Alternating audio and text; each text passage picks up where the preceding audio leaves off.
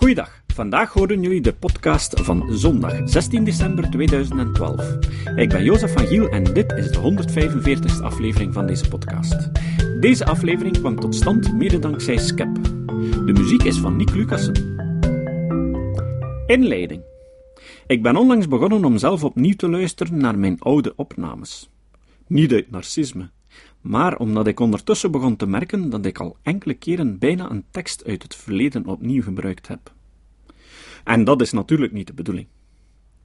Ook raad ik altijd luisteraars aan om zeker de eerste tien afleveringen over logische misvattingen te beluisteren.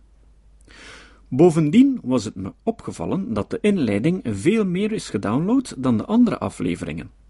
Ik wou dus toch nog eens horen of dat er niets aan scheelde. En inderdaad, ik was eigenlijk onder de indruk van hoe slecht die tekst wel was ingelezen. Eigenlijk wel indrukwekkend welk leerproces je in die periode doorloopt. En aangezien nieuwe abonnees meestal beginnen met ofwel de eerste ofwel de laatste aflevering te beluisteren, heb ik die eerste aflevering opnieuw ingesproken. Ik ben van plan om op termijn de eerste twaalf afleveringen opnieuw te doen. Daarna gaat het precies veel beter. De inhoud leek me redelijk goed. Het denkgelag. In november en december 2012 organiseerde de vereniging SCEP in Gent samen met de humanistische vrijzinnige beweging vijf gespreksavonden onder de noemer Het Denkgelag. Vandaag horen jullie het tweede deel van de derde gespreksavond, en die ging over religie en wetenschap. Hier komt het. Ik stel voor dat we naar dat filmpje kijken, dat dat een, een, een uh, over. Uh...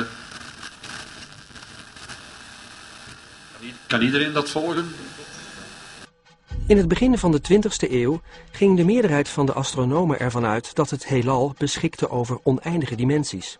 Volgens deze opvatting, die gedoopt werd als het statische, met andere woorden, onveranderlijke heelalmodel, was er geen sprake van een of ander begin of eind van het heelal. Gedurende vele jaren heeft deze opvatting gedomineerd over de wetenschappelijke wereld. Totdat bewijsmateriaal tevoorschijn kwam van een theorie die dit averechtse geloof zou ontwrichten.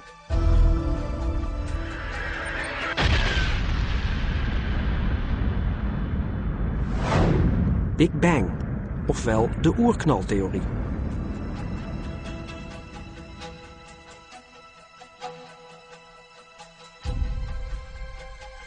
Deze theorie bewees dat het gehele heelal ongeveer 15 miljard jaar geleden uit het niets is ontstaan door een knal vanuit één enkel punt. Het heelal werd gecreëerd met een grote knal vanuit het niets, tezamen met dimensies betreffende substantie en tijd.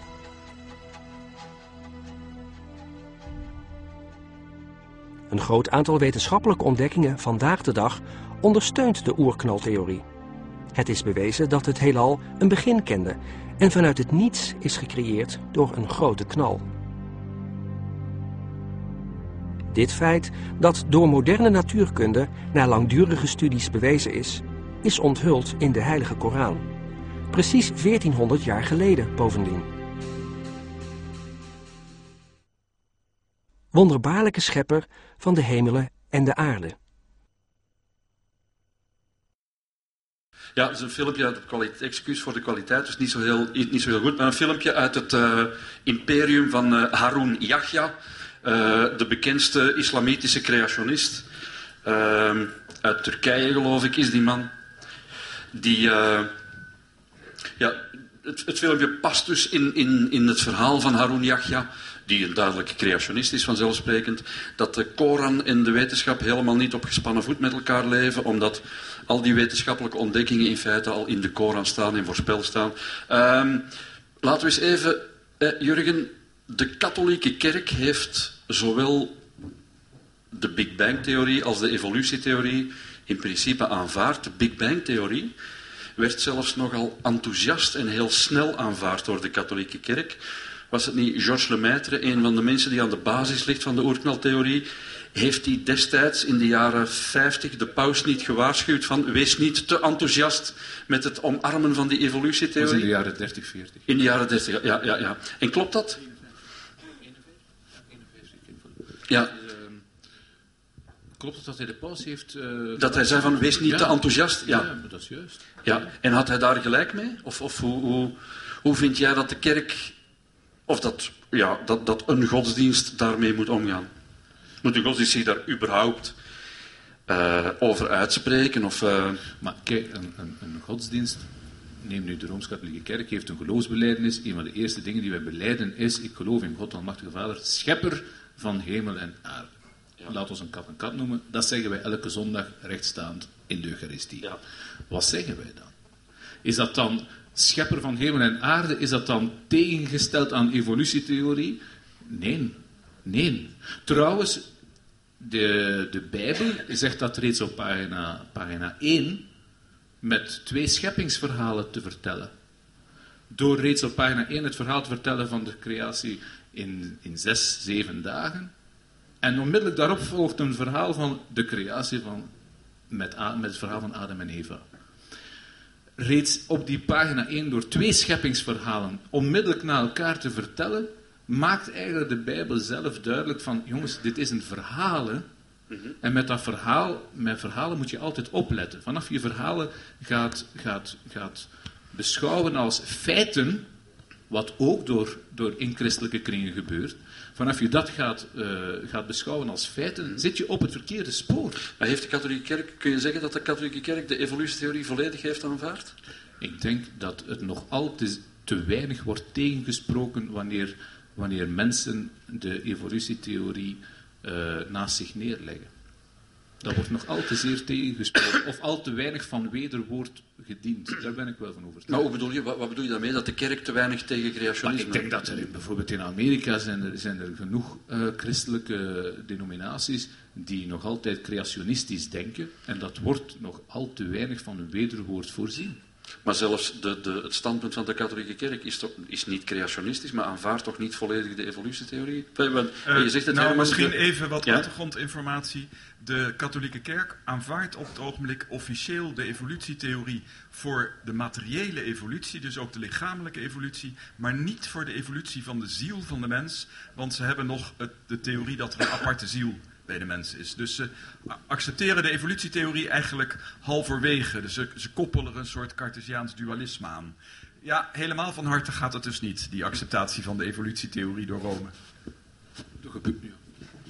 Ja, nee, nee Ik kan me niet ja. uitspreken over de feiten die van harte gebeuren in Rome. Ja. Ehm, Ja, ze maken dus een uitzondering, terwijl natuurlijk volgens de bioloog er niet zoiets is als een aparte ziel. Nee, onze geestelijke vermogens zijn ook geëvolueerd. Dus die kun je niet los gaan maken van de materiële evolutie. Dat is Ja. onzin. Precies, de kerk, eh, de, de kerk ziet een kloof tussen mens en andere diersoorten, terwijl de wetenschap die niet ziet. Nee, Daar komt kerk- het op neer. De, Hè? de kerk heeft altijd, en dat sluit aan bij wat Herman zegt, de kerk heeft altijd een, een, een, eh, een dualiteit gezien of, of, eh, tussen, tussen ziel en lichaam, tussen het materiële en het geestelijke. En het is op dat terrein dat, dat dit onderscheid zich situeert. En is dat, is dat niet Wat strijdig evolutie- met, met ja. wetenschappelijke Maar wat de inzichten? evolutietheorie, ja, het is wat dat... Niet wat dat- kan, wat de evolutietheorie natuurlijk niet kan maken, dat onderscheid. Dus ze accepteren maar de helft van de evolutietheorie. Maar kom, eh, als wij spreken over evolutietheorie, denk ik wel dat we, dat we mogen zeggen dat Rome eh, die evolutietheorie aanvaardt. Met, met dus deze merkwaardige Ja, voetnoot ja, zo- die de ervaring halveert. Ja, Laat het dan een voetnoot wezen. Ja. Hoe zeg je? Laat het dan een voetnoot wezen, ja. Ja. Ja. Ja. speelt Ja, volgens mij ik ga, ik ga We hebben, meneer we daar een vraag laten we hebben stellen. hier een filmpje gezien over... Ik ga, ik, wacht, ik kom, even, ik kom even, want ik ga mijn microfoon niet afgeven, want dan ben ik hem kwijt en dan, dat zou dramatisch zijn natuurlijk. Ik kom even, eh, ik kom even naar u. Ik wou gewoon eens vragen aan eh, meneer de Penning, met de Penningen dat eh, op basis van wat eh, hij aanvaardt dat God zich openbaard heeft in Jezus. Op basis van wat is dat? Op basis van de Bijbel?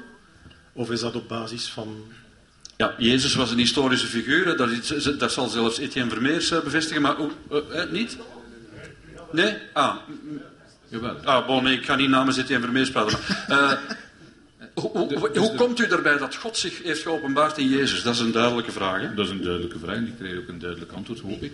Dat is... Als De ik, microfoon moet een beetje stiller, hoor ik ook.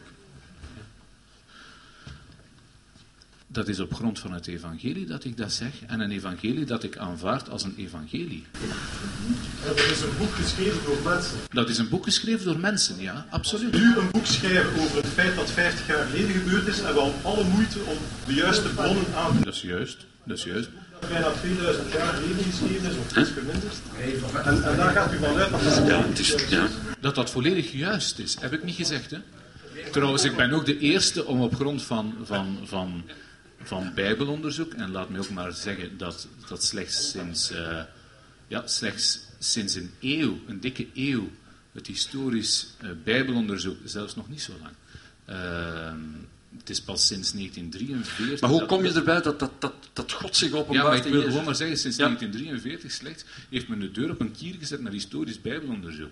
En ik vind dat wel belangrijk om te zeggen dat eh, wanneer mijn geloof zich situeert of baseert op die blijde boodschap, het evangelie, die tekst, dan is niet alles in die tekst het correcte getuigenis waarheids- of werkelijkheids, laat ons de term nemen, werkelijkheidsgetrouw aan wat er dan 50 jaar voor die, dat op schriftstelling van dat getuigenis gebeurd is. Maar dan geloof ik wel dat daar een waarheid in schuilt. En de waarheid is, volgens mij, maar daarvoor heb je nu net die geloofsprong eh, nodig, dat is dat, je, dat die Jezus voor mij werkelijk een getuigenis is geweest van iemand die zichzelf zo intiem heeft, heeft, heeft, heeft verhouden tot een God, dat dat zo revolutionair nieuw was, ook in het Jodendom van toen. Je moet weten, in het Jodendom van Jezus' dagen en van de eeuwen daarvoor, was, die, was, was de afstand tot God was een teken van respect tot, voor die God. We hebben eh, het verhaal van de schepping. Ja, de, God was de grote schepper, een mens was het kleine schepsel. Afstand behouden tot God. En als die afstand te klein werd, was het blasfemie, was het godslasterlijk. Jezus werd aan het kruis genageld, vooral omwille van het feit dat hij door de Joden, door zijn eigen geloofs- en volksgenoten, als godslasterlijk werd, werd beschouwd, omdat hij plots ging spreken niet over die, over die God als een, als een verre schepper, als een verre God, maar als een Abba, papa. Dat behoort tot de meest intieme taal.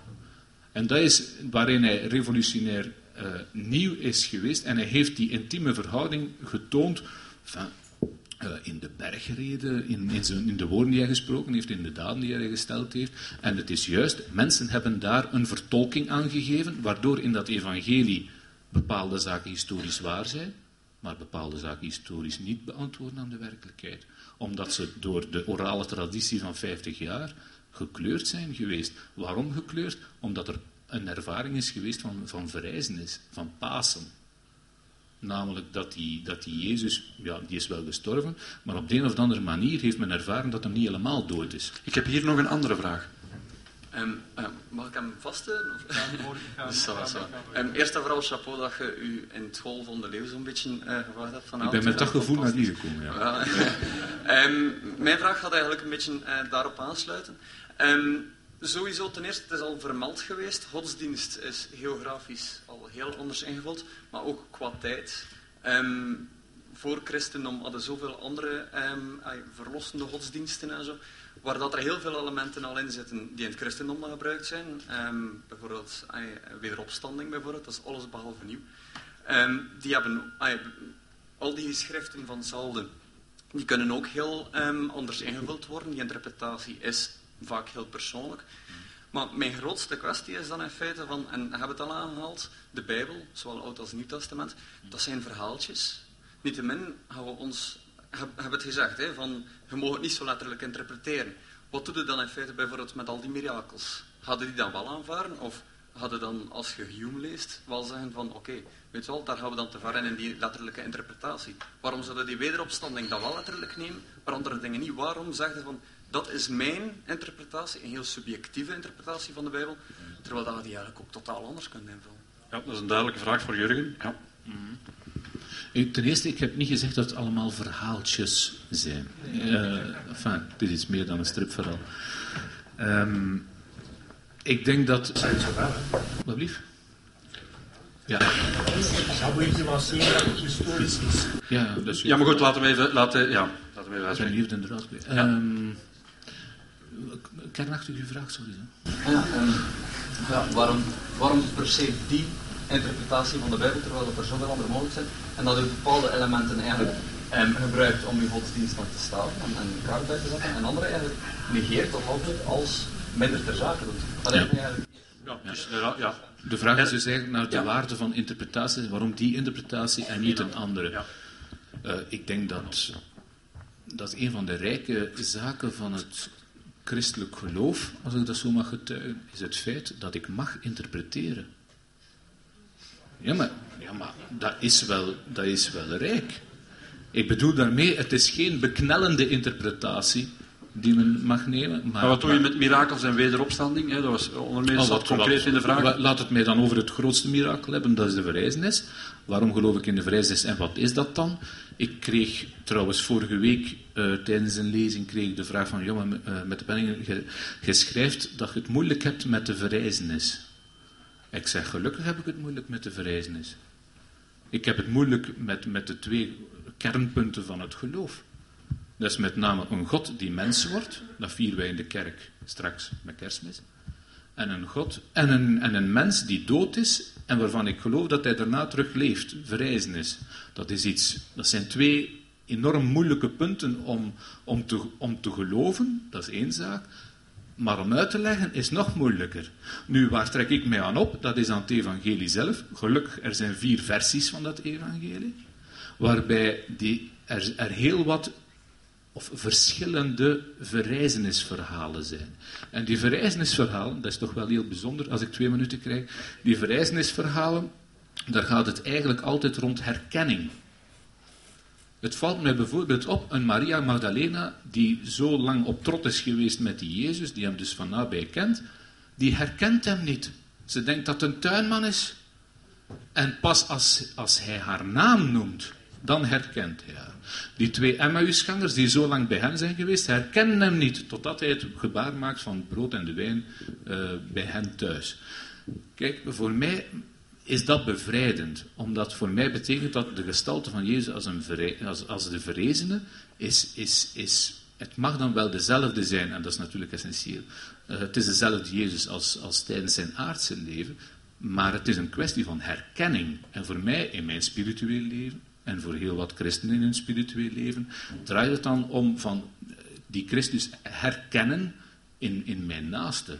En dat stelt mij in staat om bepaalde mensen van wie ik persoonlijk op, van nature een aversie heb, om daar toch proberen iets goed in te zien, wat soms totaal moeilijk is. Herman kijkt mij aan alsof hij iets eh, wil toevoegen aan de Ja, situatie. ik, ik, het is mij nog niet voldoende duidelijk. Dus eh, wil Jurgen nou eigenlijk zeggen dat hij het wonder van de verrijzenis in een of andere zin, zoals het werd bedoeld in het Nieuwe Testament, niet accepteert, maar dat hij het symbolisch interpreteert als aanzet om in je naaste jezelf te herkennen of iets goddelijks te herkennen of wat dan ook. Dus, dus is het niet een echt wonder geweest, maar is het een metafoor om iets moreels duidelijk te maken? Dus in mijn beslisboom zit je dan in optie A. eh, er wordt geen feitelijke waarheidsclaim gedaan, maar je moet het metaforisch interpreteren. Is dat, begrijp ik dat goed?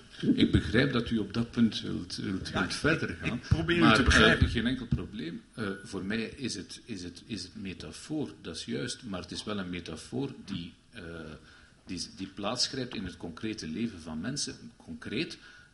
En dan op dat vlak volg ik Edward Schillebeeks, die eigenlijk zegt van het, het, het aangrijppunt zit in de ervaring van mensen. Ik geloof, en ik verwijs terug naar diezelfde geloofsbelijdenis, ik beleid daar een apostolisch getuigenis, een apostolische kerk. Dat wil zeggen, mijn getuigenis over mijn geloof, ik heb die Jezus niet met mijn eigen ogen gezien.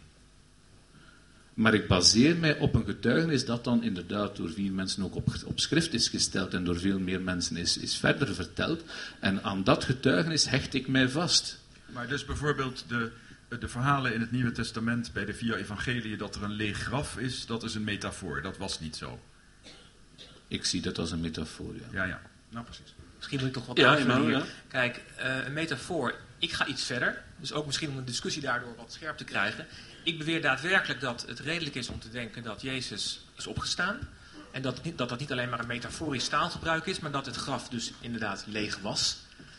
En dat Jezus gekruisigd is en dat het graf leeg was. En dat er een, een groot aantal discipelen zijn geweest die althans ervan overtuigd waren hem ehm, eh, ontmoet te hebben na zijn, na zijn opstand. En dat er eigenlijk heel snel in die omgeving een geloof ontstond in, in, in, in Christus. Als je kijkt naar het historisch onderzoek, naar het pure feitelijk historisch onderzoek, dan worden er een aantal vragen gesteld. De eerste vraag die gesteld wordt is, kunnen wij redelijkerwijs aannemen dat Jezus, Jezus van Nazareth, een historisch persoon is, dat hij geleefd heeft? Dat hij gekruisigd is? Nou, wie de studie van Gary Habermas kent, het overgrote gedeelte van de Bijbelexegeten in de historische onderzoeksomgeving erkent de historiciteit van Jezus, erkent ook de kruisiging, het feit dat Jezus gekruisigd is, erkent ook het feit dat er verschillende mensen, althans ervan overtuigd waren hem na zijn opstanding gezien te hebben. En het punt van het lege graf, dat wordt interessant, het punt van het lege graf, het Gary Habermas onderzoek geeft aan dat zo'n 70%, we kunnen het allemaal op, op Google nazoeken, van de Bijbelhistorici het feit van het lege graf als een historisch plausibel accepteerbaar feit ziet. Gelovige of niet gelovige als je, bijbelhistorici? Als je, dan, als je dan die zaken samenneemt. Je hebt het lege graf. Je hebt de kruisiging. Je hebt de, de, zeg maar, de discipelen die na zijn, na zijn dood hem gemene gezien te hebben. Dan kun je vragen, wat is nou de beste verklaring voor deze combinatie? Wel nu, als je onafhankelijke redenen hebt, ik heb het over onafhankelijke redenen om te geloven dat God bestaat. Stel dat je vanuit de natuurlijke theologie kunt beargumenteren dat het redelijk is om te geloven dat God bestaat, dan is de claim dus in feite dit. Dan is de claim dat het God was, dat het God was die Jezus heeft opgewekt. Wel nu, die claim, dat het God was die Jezus heeft opgewekt, is geen bizarre claim als we eerst op, op basis van onafhankelijke gronden kunnen beargumenteren dat het redelijk is om te geloven, om te beargumenteren dat God bestaat. Dus de beste, de meest voor de hand liggende verklaring van dit historisch portret kan heel goed een theïstische verklaring zijn. Emanuel, we gaan onze hersenen... Ik ga, Herman, ik we zijn onze voorzitter kwijt. Oh, ja, wel, die, die, voorzitter is hier. En de voorzitter zegt, we gaan, onze hersenen, nee, we gaan onze hersenen even laten rusten met een nieuwe vraag. Ik ga ook... Dus iedereen mag, als hij een vraag op een bierkaartje heeft, de bierkaartjes naar voren geven. Dan kunnen die ook gesteld worden. Maar meneer hier had een, uh, een vraag. Ik heb een vraag voor uh, meneer Philipsen. Herman, als ik mag. Uh, we weten wat u niet gelooft, maar ik heb een dubbele vraag. Wat gelooft u wel? Um, gelooft u uitsluitend in een materialistische wereld, dus een wereld die bestaat uit elementen die zich volgens bepaalde wetmatigheden tot elkaar verhouden? En indien ja, wat vangt u dan aan met Schopenhauer, die zegt dat alles wat we kennen uiteindelijk toch slechts in de geest bestaat? En ten tweede, ja, als u daarin dan gelooft, ja, wat is dan voor u de waarde van het menselijke leven? Wat is de bedoeling? Wat is de zin? Ik hou even de vraag vast, want ik ga meteen een tweede vraag laten stellen. Ik hou de vraag, Herman, hou jij de vraag ook even goed vast, onthoud ze. Ik ga meteen eh, twee vliegen in één klap. Mag ik vast um, Ja, ik heb uh, eigenlijk een beetje een andere vraag. Uh, ik bekijk eigenlijk het geloof als uh, een pakket normen en waarden die oh, op het moment in de geschiedenis eigenlijk uh, een, een, samenleving bieden die eigenlijk ja, die veel stabiliteit en die het, het geluk bij de mens garanderen, min of meer. Nu, door de geschiedenis heen zie je dat er verschillende... Oh, ja, ik, ik ga ertoe komen. door de geschiedenis heen zie je dat er nieuwe pakketten en normen van waarden en normen winnen ten opzichte van andere pakketten in de vorm van nieuwe religies. Maar nu, de laatste honderden jaren, komt de wetenschap verder en kunnen we meer dingen oplossen en kunnen we meer vragen, uh, even, wat dan ook voor vragen, beantwoorden door middel van wetenschap. En ook zitten we de laatste jaren misschien meer met problemen als uh, overbevolking, grondstoffentekort en zo. Kan religie eigenlijk ja, daar dan nog antwoord op bieden, op zulke vragen? Oké, we gaan hier beginnen. Die vraag onthouden we ook even. Uh, maar we beginnen met de vraag uh, aan Herman of hij dan uitsluitend gelooft in de, materiële, uh, in de materiële wereld die zich volgens bepaalde wetmatigheden gedraagt. En zo ja, dus waar hij wel in gelooft. Waar hij wel in gelooft, of dat het enige is. En als dat zo is, als dat het enige is waar hij wel in gelooft, waar hij dan ja, de, de, de zin van, van dit bestaan nog ziet. Ja, uh, dat is een ingewikkelde vraag. Laat ik een uitgangspunt eerst schetsen. Ik denk dat voor zover het om feitenkennis gaat, dat wij de best gevalideerde kennismethode moeten toepassen die we hebben. En dat doen in het algemeen de wetenschappen. Nou hebben we natuurlijk heel veel verschillende wetenschappen. We hebben fysica, we hebben psychologie. En een filosofische vraag is hoe die verschillende wetenschappen zich tot elkaar verhouden. Dat is een complexe filosofische vraag.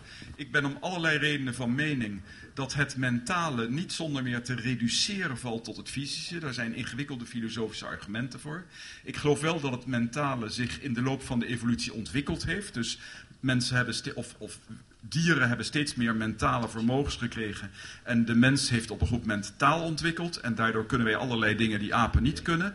Uh, maar ik geloof niet dat het mentale te reduceren is tot elementaire deeltjesfysica. Om allerlei ingewikkelde redenen die ik nu niet kan gaan uitleggen, want dan ben ik met een uur college bezig. U vraagt, nou wat is nou de zin van het leven?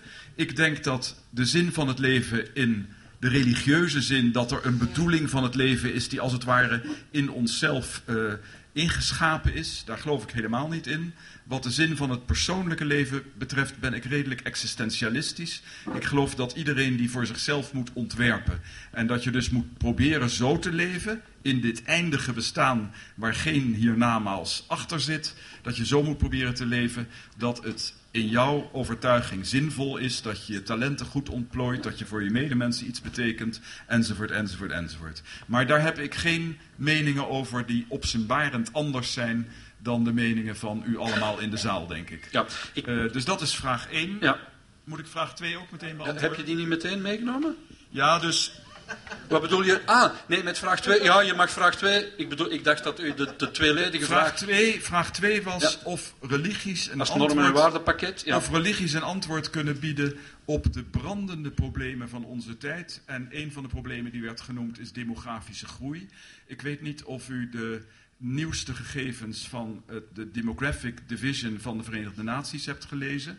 Maar die zijn nogal onthutsend in die zin dat na 2050 de bevolkingsgroei volgens het middenscenario van de Verenigde Naties zich zal voortzetten. Dat we dus voorbij de 9,5 miljard gaan.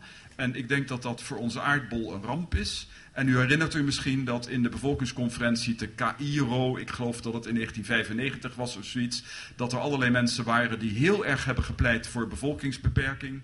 En dat de, een conctie is ontstaan tussen de katholieke kerk en moslimgemeenschappen om die conclusie te torpederen. Dus ik denk dat religies, althans de katholieke kerk en de moslims, een slechte invloed hebben gehad op uh, bevolkingspolitiek. En dan is er een tweede probleem waar religies überhaupt volgens mij niks interessants over te melden hebben. En dat is het probleem van global warming. En in mijn ogen is dat de grootste uitdaging waar de mensheid voor staat. En ook de moeilijkste uitdaging, omdat de CO2-ophoping in de atmosfeer tijd neemt. We stoten nu allemaal CO2 uit en de effecten zullen pas over 20, 30, 40 of 100 jaar duidelijk worden. En het is heel moeilijk om hedendaagse politieke leiders ervan over te overtuigen ja. dat we CO2-uitstoot moeten stoppen. Ik heb van religies geen zinvolle bijdrage aan dit debat vernomen. Ja. Ik ga even naar Jurgen met die. Uh, met... Ik ga even naar Jurgen met die tweede vraag. Uh, of religies ja, een soort normen- en waardepakketten zijn die worden overgedragen en of ze vandaag met de voort, met voortschrijdende inzichten die we hebben. Ja, ik denk wel dat religies normen en waarden in zich dragen. Met andere woorden, dat normen en waarden religieus geduid of geïnspireerd uh, mm -hmm. kunnen zijn. Absoluut. Um, maar ik zou toch het onderscheid willen maken tussen, enfin, tussen, tussen het, het, jargon dat, dat men gebruikt binnen een religie, of dat eigen is aan een religie, en het jargon dat eigen is aan een wetenschap. -hmm. Omdat uh, een wetenschap wil verklaren. -hmm en duiden. Dat is een belangrijk punt, dus je bent aanhanger en, van de theorie. En, en, een religie wil, wil, wil, wil eigenlijk betekenis creëren, uh, wil, wil zin geven. Uh, liefst niet in, in de zin van dit is nu de enige betekenis, want dan wordt het ook duiding. En dan wordt men, dan wordt men een, een concurrent maar, van de wetenschap. Wil de godsdienst dat niet nog altijd doen? Ik denk dat die verleiding zeer groot is en ik denk dat het dat soms ook ziet, maar ik denk dat men niet aan die verleiding mag, mag toegeven. Bijvoorbeeld als het over homoseksualiteit gaat, dan komt de, de, ook de katholieke kerk toch met een soort verklaringsmodel hmm. dat, uh, God, dat de mens nu helemaal geschapen is als man en vrouw. Herman, Herman gebruikt hier een leuk boekje als onderlegger. Mm -hmm. um, dat is namelijk mijn boek. Um, En in, eh, daarin, net zoals in, in, in andere publicaties van mij, zeg ik van hoe is het in Gods naam mogelijk, en ik meen het ook in Gods naam mogelijk, dat, dat men mensen reduceert tot een geaardheid en op grond van die geaardheid eigenlijk zegt je bent tweederangsburger. Op grond van Paulus. Verklaar u nader. Het staat gewoon in Paulus dat uh, homoseksualiteit zondig is en de straf van God. Ja. Dus eh, Ja. er staat wel meer in de Bijbel wat we liever niet eh, geloven. Maar daar geef ik u volledig gelijk in. Maar het is niet omdat ik de, de, eh, eh, dat ik de Bijbel als, als, eh, als inspiratiebron gebruik, dank u, dat, dat het voor mij, alles, elke letter van die Bijbel, voor mij vandaag inspirerend is. Absoluut niet. Als, je, als we daarover gaan beginnen van wat in de Bijbel inspirerend is en wat niet, sorry, er staan in elk heilige boek als we het heilige boek, de term heilig boek gebruiken, in elk heilige boek staan zaken waar u vandaag van zegt, sorry. Gaat, dit kan meneer, u heeft nog een vraag? Even een vraag over eh, theologie en dogma. Ik dacht dat als dogma.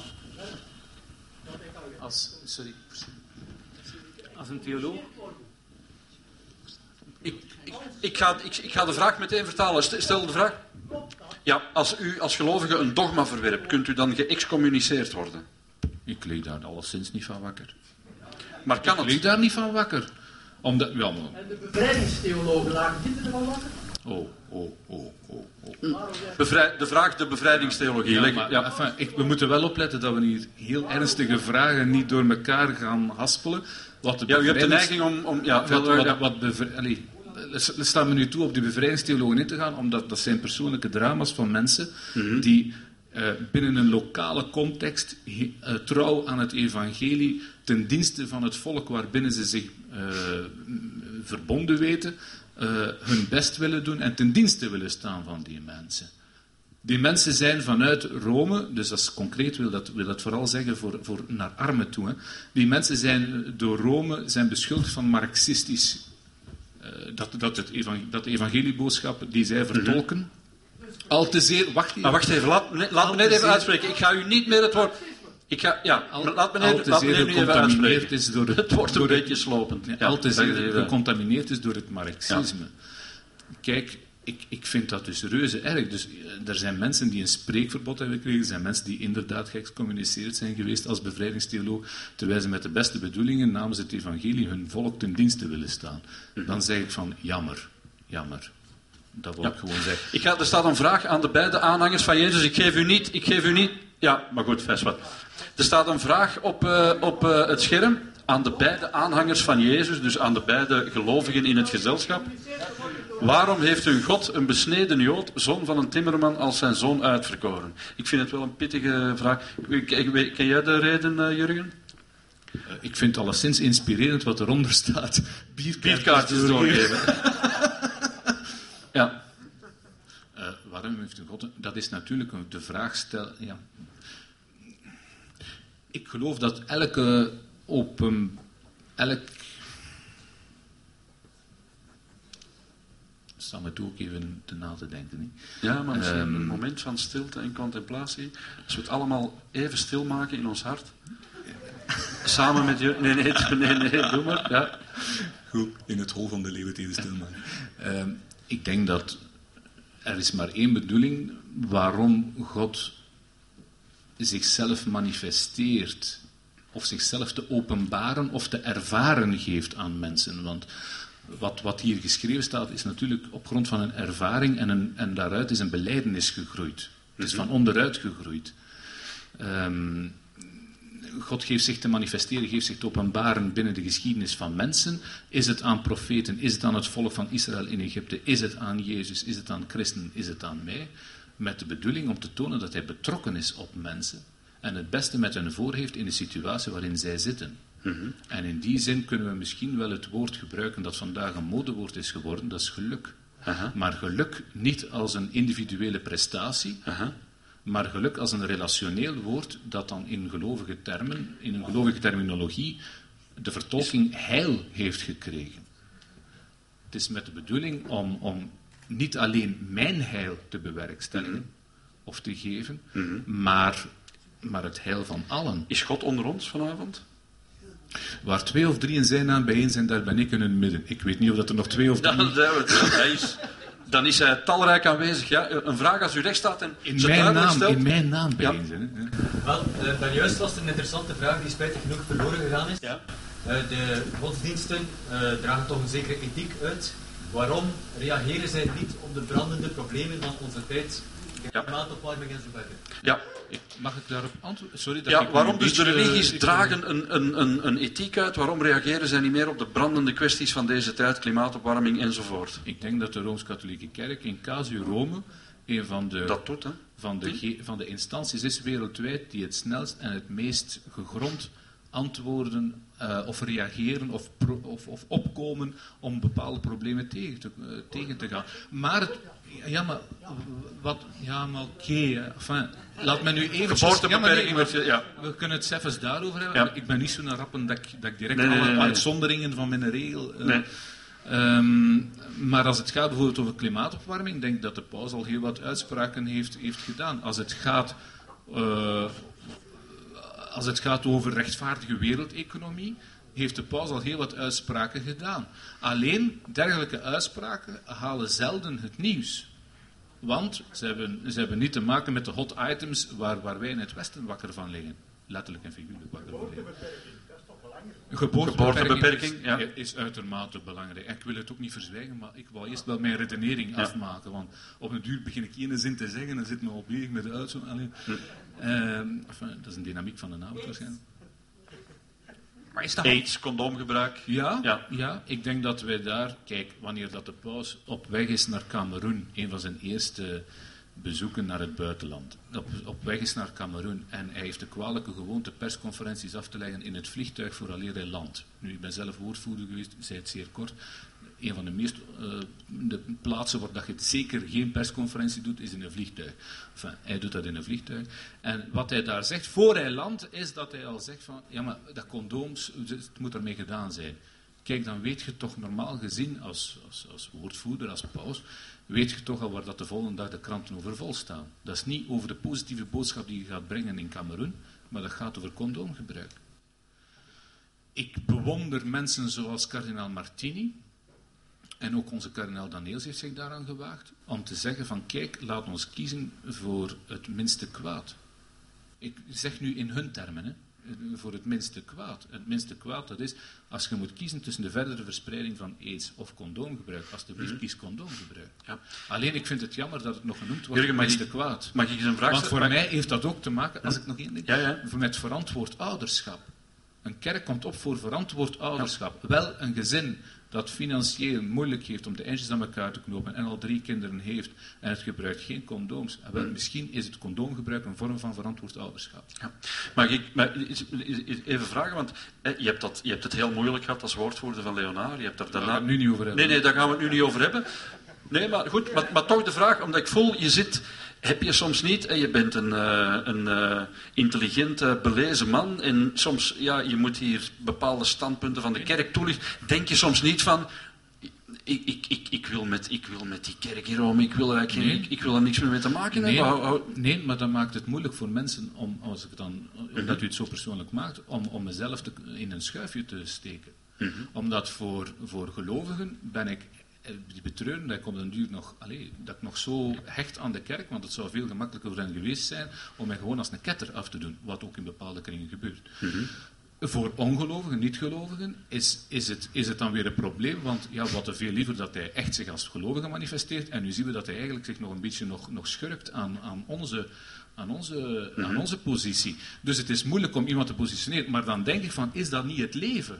Is dat niet het mens zijn? Namelijk niet in een schuifje gestoken worden. Ik, ik hoed mij eigenlijk wat voor mensen die met alles akkoord zijn met wat Rome zegt, maar ook met alle, voor mensen die met alles wat Rome zegt niet akkoord zijn.